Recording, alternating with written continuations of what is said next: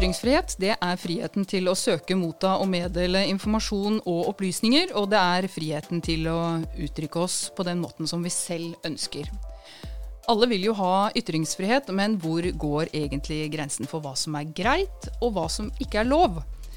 Til høsten så er det valg, og flere politikere blir utsatt for hets og hatefulle ytringer, og til og med trusler gjennom kommentarfelt og på sosiale medier. Så hvor mye skal man egentlig tåle, og er det slik vi egentlig vil at ytringsfriheten skal forvaltes, hva kan egentlig politiet og påtalemyndighet og media og folk flest gjøre? Velkommen til Politirådet. Dette er en podkast fra Politiet Sør-Øst, hvor temaet altså er ytringsfrihet og frie demokratiske valg. Jeg heter Anne Malen Monstad. Og med meg så har jeg politimester i Sør-Øst politidistrikt, Ole Brederup Sæverud. Og så har jeg med meg ansvarlig redaktør i avisa Drammens Tidende, Espen Sandli. Velkommen begge to. Takk, takk. Eh, Sæverud, du har jo sittet i den rollen som politimester nå i ganske mange år. Ni, ni år, er det der? Mm. Har du, eh, Det er en litt sånn utsatt posisjon å være i. Eh, synlig, uniform, leder for politiet som har vært mye i media. Har du sjøl noen gang opplevd å bli utsatt for noen kommentarer i skriftlig form eh, som følge av at du er den du er? Eh, ja, det kommer litt av og til. Men det, det er egentlig overraskende lite sammenlignet med, med, det jeg tror mange andre opplever. Uh, det er ikke det, det, har kommet noe på faks da man holdt på med det. Uh, noen som var veldig opptatt av det. Det er kommet noe på e-post, det kommer noe i posten osv. Men men vi har jo systemer for å sile det her, så, så, og, og, det kommer ikke hjem til meg på noe vis. Så, så sånn i sum veldig lite. Mm. Men tenker du at du må tåle det, da? Hvis det, det f.eks. er et, et, eh, medieoppslag som omtaler politiet, hvor du er intervjua, og kommentarene går på, på, på, deg som person, tenker du at ja, det, det, hører med. Dette må jeg faktisk stå i, og dette må jeg, må jeg tåle? Ja, så jeg forventer på at jeg må tåle noe i forbindelse med jobben. Men, men uh, ikke veldig aktiv på Facebook og uh, sikkert ikke så fryktelig konsentrert, så jeg får ikke med meg så mye. Så det kan godt hende at det har vært en masse kommentarer uten at jeg har, har fått med meg noen av dem. Ja. Nå hører vi jo, Du, du er nordlending, du kom fra Tromsø, uh, født og oppvokst der. Um, så har det jo vært en del saker i media også som går på dette med hva som er greit og ikke greit knytta til hva man skal tåle. At man kanskje tåler mer andre steder i landet, eller skal tåle mer andre steder i landet eh, enn eh, f.eks. en eh, litt sånn eh, fisefin østlending, da. Eh. ja, altså det, det, Den jussen der er egentlig uh, det, er den, det, er de samme reglene over hele landet. Men det handler kanskje mer om kontekst og, og, og på måten man er sint på, eller måten man uttrykker seg på i, i, hvordan, i hvordan sammenheng kommer kommentaren. Og da kommer de språklige forskjellene, der, der man kanskje i, i, deler av landet, og særlig i Nord-Norge, bruker bannskap som en integrert del av språket, eh, sammenlignet med en del andre eh, landsdeler. Eh, og da er man nødt til å gå nøyere inn på å tolke kontekst. Det kan være litt eh, vanskeligere. Det er, det er, visse veldig anatomiske skjellsord som på nordnorsk er mer som komplimenter å regne. Ja, men kontekst er jo Kontekst jo altså det handler jo egentlig om, om muntlig fremføring, og så handler det om det skriftlige. Og når vi snakker om de, disse ytringene her nå, så er det jo det som, som, står, altså som står skrevet i kommentarfelt, f.eks. Eh, enten på, som hale på nyhetsartikler eller på, på sosiale medier. Så, så, det er jo ganske stor forskjell på det med om du faktisk velger å sette deg ned og skrive noe, eller om du uttrykker det veldig sånn bardust og, og rett i ansiktet på en som, eh, som du er sinna på. Ja, og så er det jo et eller annet med at i, i, i en muntlig sammenheng så, så, er alle, alle er på det samme stedet, det samme arrangementet, eller får med seg alle de andre nonverbale delene av kommunikasjonen. Uh, og kan i mye større grad være i stand til å oppfatte at det er ironi, eller oppfatte i hvilken sammenheng det er ment, eller hva kom rett før, osv. Det øyeblikket man, uh, man skal si, tar det skriftlig, så er det bare ordene igjen. Uh, og det som var artig uh, natt til lørdag, er, er ganske stygt uh, mandags formiddag. Så, så, så, det er nok en del av problemet.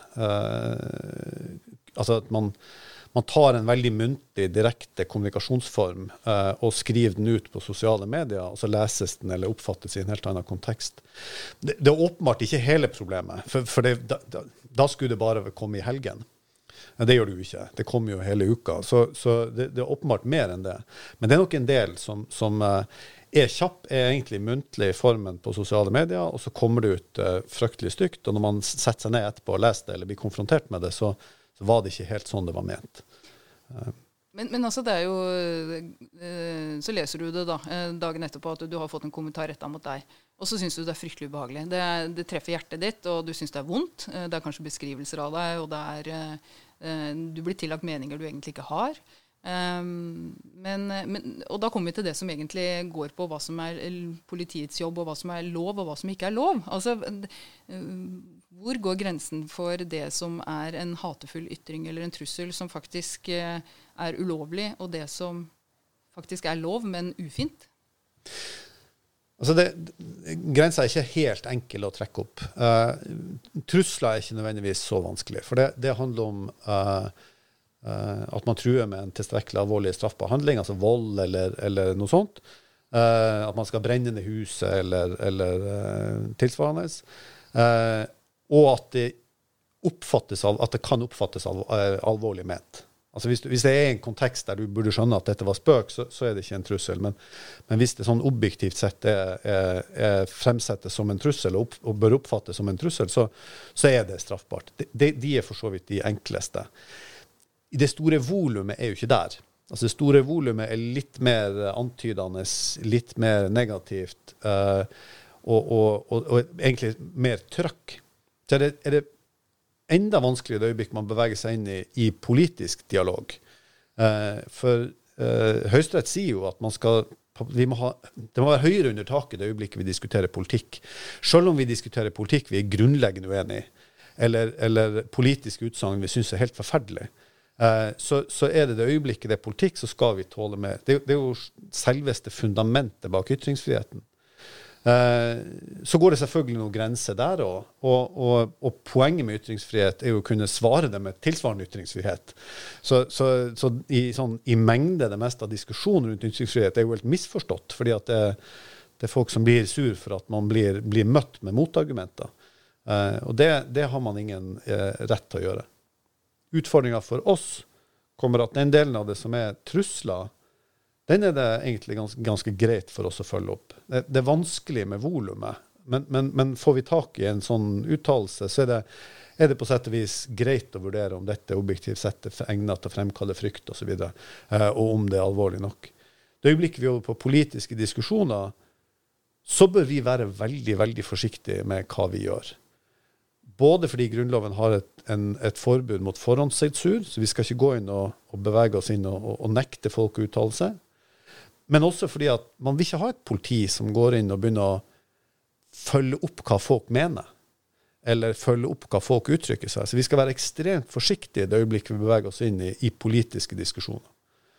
Så det, det, arbeidet vi gjør nå, det handler jo mer om å si én, dette er et problem. Og forklare litt aspektet og dimensjonene og hvorfor det er et problem. Volumet på det. Og to, si til lokalsamfunn hva dere må gjøre med det. Fordi vi forklarer at vi kan gjøre egentlig ganske lite. Men, men eh, alle som lokalt er med, kan engasjere seg i å bruke sin ytringsfrihet. Ja, hvordan da, f.eks.?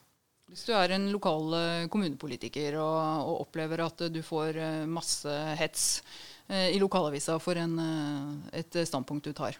Jeg tror det, det, viktigste med den diskusjonen som har kommet opp nå, er jo at mange av de politikerne som, som har opplevd det her, tror, tror, de er alene, eller opplever, føler seg alene. Så det er klart, øyeblikket man er, det her blir åpent, og, uh, og, man vet at det er mange som, som utsettes for det, så, så, blir det kanskje litt lettere å stå i. Uh, det å stille opp. Det, det å, å, sette seg ned og si at dette er faktisk ikke greit, enten på den samme plattformen eller på lokalbutikken. Det er kanskje enda mer effektivt. Hvis du satt og var sint på kvelden før på Facebook, hvis, hvis uh, halve nabolaget uh, begynner å stille spørsmål til deg på samvirkelov om hva du egentlig mente, så, så, så, får det en mye større grad av realitet. Og da må du bestemme deg for om dette er noe du står for, eller om, om det kanskje kom litt skjevt ut. Så, så, det å stille opp for hverandre og, og ta tak i den, den, diskusjonen, ta tak i den samtalen, si at reagerer du på det, så, så si det, da. men på en saklig måte så, får man i gang en diskusjon og får både støtte av den som som står i, i, i trøkket, men også, også uttrykt at eh, vi er faktisk ganske mange som er uenige med det. Men, men ytringsfrihet er jo helt en sånn, sånn grunnleggende eh, forutsetning for et demokrati. Eh, hvis vi ikke kan ha politisk diskusjon, så, så, ikke, så, så, er vi ikke lenger et demokrati. Eh, og, og, det å kunne ytre seg og det å få tilgang til informasjon er jo en helt grunnleggende forutsetning. Men så må det være noe arena å ha den diskusjonen på. Altså, og, og, da er jo, er jo media viktig. Du, du, du, må ha en velfungerende mediehverdag for, for å kunne få tilgang på den diskusjonen. For Ellers regner vi med at man må være på de riktige arenaene, på riktig gatehjørne eller på det riktige torget for å få med seg diskusjonen. Og da blir det, da blir det plutselig ganske snevert eller elitistisk eller et eller annet. Så, så, så, så, det er en helt sånn verdikjede her som må være på plass for at vi skal kunne være et velfungerende demokrati. Men så sier du at, eh, at, uh, i politikken så er på en måte terskelen mye høyere for, for, for meningsbrytninger enn det det er på kanskje andre arenaer. Betyr det at uh, folk som velger å, å, gå inn i politikken, da skal stålsette seg, bygge seg opp og, og manne seg opp til å ta det vervet, og vite at de er nødt til å tåle det litt mer? Altså, Som politiker må man jo tåle motargumenter. Og, og sånn som jeg opplever diskusjonen, så er de gangene ytringsfriheten påberopes eh, som krenka, så handler det mer om at man ikke tåler motargumenter. Og det er, det er en grunnleggende misforståelse. Eh, eller, eller villa misforståelse, avhengig av hvordan man ser på det. Eh, jeg syns ikke altså Det volumet og det, det trøkket vi ser på, på netthets, for å kalle det det, eh, er så stort at det syns jeg ikke politikere skal tåle. Så, så altså det, det, må vi skjerpe oss på. Og det er, jo, det er, jo, det vi engasjerer oss i ved å engasjere lokalmiljøet i at dette er et problem. Altså beskrive problemet. Selv om vi som politi har få virkemidler. Eh, men det er klart politikere må tåle å stå i diskusjonen. Jo, man, man stikker hodet sitt fram for å oppnå, for, for, å få politisk gjennomslag, for å få gjennom sine politiske ønsker eller planer eller, eller, målsetninger. Og da må man jo tåle at det blir møtt med andre politiske argumenter og, og, og, andre politiske planer. Det er jo politikkens vesen. Mediene har, har, jo selvfølgelig en, en viktig rolle, men, men, ser du noen likheter mellom det politiet, politiets rolle og medienes rolle eh, og, og, oppdrag knytta til å ivareta ytringsfriheten? Altså, eh, begge er jo begge er nødt til å, å, jobbe aktivt og ha et bevisst forhold til det å ivareta ytringsfrihet. Veldig ulike måter. Uh, altså, uh, politiet gjør det i å være trygg på egen rolle. vi gjør det når vi beskytter politiske demonstrasjoner, for, både demonstrasjoner og motdemonstrasjoner, og legger til rette for at folk kan ytre seg. Det, det er en del av vår jobb. men vi må passe på at vi ikke går inn og, og aktivt mener noe. men vi ser jo også at vi vi er nødt som organisasjon til å ha den grunnleggende demokratiske forståelsen ut i, i politibilen, ut i ytterste ledd. Eh, litt tilsvarende må man jo ha eh, i, i, media. Altså, eh, media er en sånn grunnleggende arena for politisk diskusjon. Skal man ha politiske meningsytre, så er man avhengig av media. Eh, og det kommer vi nok alltid til å være i. I som si, medier endrer seg, så, så, så, er vi uansett avhengig av det. Eh, vi står ikke i en konflikt mellom, mellom hva som er kommersielt, og, og, kvaliteten på en politisk diskusjon. Den skal vi ikke mene om heller. Den står media i. Altså det, som, det som gir eh, oppmerksomhet, er ikke kanskje det som gir den beste politiske samtalen. Eh, så, så vi, eh, vi, sa før at vi var opptatt av utenrikspolitikk og, og, politikk, og så var vi opptatt av kjendiser og katter som detter. Så, så, så, nettet har på en måte vært litt sånn ødeleggende for den, kanskje for den politiske samtalen. Eh, men også media er jo nødt til å få den demokratiske forståelsen ut hos sine journalister, ut i første ledd. Så, så det er mange likheter, selv om rollen er grunnleggende ulik. Vi er jo statsmakter begge to, på et vis, men ulik, på, med, med, ulike roller. Espen Sandli, eh, du er ansvarlig redaktør i en av landets største lokalaviser, Drammens Tidende, og du har bakgrunn som journalist i VG og Dagbladet og i Drammens Tidende og har mottatt flere journalistpriser, bl.a. den høythengende Scoop-prisen, den norske journalistprisen. Um, du begynner å nærme deg 50 år. Kan jeg, kan jeg ymte om det? Avsløring, det. ja. um, og du har vært med, men du har vært med på en måte fra papiravis og til digitaliseringen. Um, Og så har det jo skjedd ganske mye på dette med ytringsmuligheter eh, i løpet av den tida der. Eh, I gode gamle dager så satt man og redigerte papiravisa og fikk inn masse lesebrev, så man kunne på en måte velge mellom hvem man ville ha på trykk. Mens nå er jo den døra helt eh, vid åpen, egentlig. Er det liksom noen ganger du tenker at åh, det hadde vært litt deilig å vært en avisredaktør i en avis hvor jeg kunne hatt litt hånd over, eh, og kanskje velge vekk noen av disse ytringene som, eh, som er helt i ytterkanten av hva man ønsker å stå for? Definitivt. Det er, eh, og det er jo en pågående diskusjon. Hva skal vi gjøre med uh, alle de ytringene som vi må bruke mye tid på å fjerne? Rett og slett fordi at de bryter både med anstendighet og være varsom, og i det hele tatt kan være ganske krenkende. Uh, man får jo lov til å publisere. uh, og så er det vår jobb å moderere i kommentarfelt. Uh, og det er ganske mye tid i en redaksjon som går med til å gå gjennom alle de kommentarene som kommer inn. Eh, og mye er jo rett og slett ikke noe som burde være der. Så mm, noen medier har allerede valgt å kutte ut kommentarfelt. Men det har vært en ganske lang reise, det også. For jeg husker når kommentarfeltene kom eh, til avisartikler helt i begynnelsen, så var det, det var ganske mye som gikk eh, hva skal vi si, eh, uredigert ut, og som lå der også over lengre tid, og som heller ikke ble fjerna. Var, var, det litt sånn usikkerhet i redaktørkorpsene rundt omkring og mediehusene rundt omkring også, om hvordan man skulle kanskje forholde seg til denne åpenheten? Ja, det har jo vært en modning på sett og vis. Fordi i begynnelsen så var det et hav av muligheter som man tenkte at man skulle utvikle til en demokratisk plattform med ytringer, eh, et breit utvalg av ytringer. Eh, men det man ser etter hvert, er at volumet av hets, og spesielt mot enkeltpersoner, eh, blir så stort at det er det er jo ikke en del av det vi skal være med å bruke den ytringsfriheten til. Da, og gi det en plattform til den type hatytringer, f.eks. Nei, for det var det i begynnelsen? Jeg syns det. Og det var jo også I den tidlige fasen så var det jo også et spørsmål om eh, hvorvidt man kunne debattere anonymt. Så det er jo først nå at det er ved de fleste aviser klare krav da, om at du skal, ha, du skal debattere som den du er. Du skal være til stede med fullt navn. Men har du sjøl som redaktør i en avis, og du har jo også stått for en del kontroversielle meninger, skrevet lederartikler som har skapt masse diskusjon, du har deltatt i den politiske diskusjonen i, i, i nedslagsfeltet til Drammens Tidende også. Eh, har du noen gang opplevd at du har fått noen kommentarer som det lyser, eh, lyser av? Det skjer faktisk ganske ofte. Eh, og det trenger ikke å være resultat av at jeg har ment noe kontroversielt.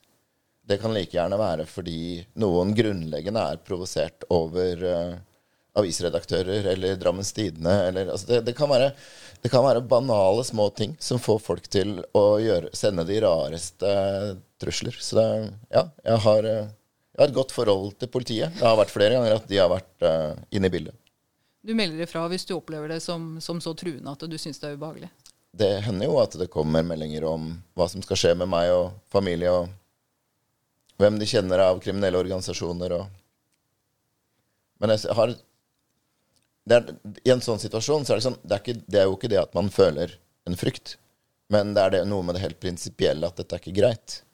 Eh, og derfor så skal jo, skal jo, redaktører og journalister ha lav terskel for å si fra hvis de opplever eh, noe som er tru, rene trusler. Og det må jeg si at jeg syns blir håndtert utrolig proft i politiet. Det. Har du, har du noen gang eh, respondert direkte til noen av de som har eh, sendt deg meldinger som du tenker at dette er ikke greit? Jeg eh, pleier eh, å svare første gangen med, med en ganske enkel dette er, 'Dette er ikke greit'. Og så kommer det an på hva som dukker opp etter det. Men eh, ikke sant Det er ulike situasjoner, fordi kan ta et eksempel er Stortingsrepresentant Jon Helgheim har følgere som ikke nødvendigvis tilhører det budskapet Jon Helgheim står for. Eh, men hvis jeg blir dratt inn i en diskusjon med det klientellet, så dukker det veldig ofte opp eh, et hav av grisete meldinger. Og hvis de hadde vært Hvis de hadde kommet i våre spalter, så hadde de vært redigert bort.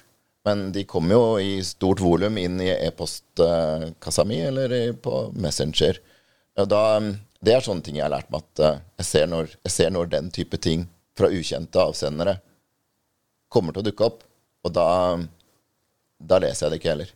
Nei, du velger Da bare styrer jeg unna. Ja. Jeg ser med en gang fra første ord hvor vi skal hen. Så det er ikke noe det gikk ikke, noe økt livskvalitet, så det styrer jeg rett og slett unna. Og mange av disse diskusjonene foregår kanskje på, på grupper og steder hvor du ikke er engang, så du har egentlig ikke noe oversikt over hvordan diskusjonen tar seg ut der, der de skjer. Er det? Nei, jeg tilhører jo den redigerte virkelighet. Ja. Uh, mens eh, der ute er det jo mye som er helt ufiltrert, og mye ekkokammer, hvor man forsterker hverandres uh, uttrykk.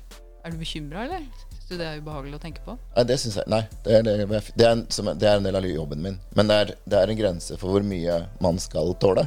Jeg kjenner ikke at jeg er i nærheten av den grensa. Men det er volumet i samfunnet er et problem.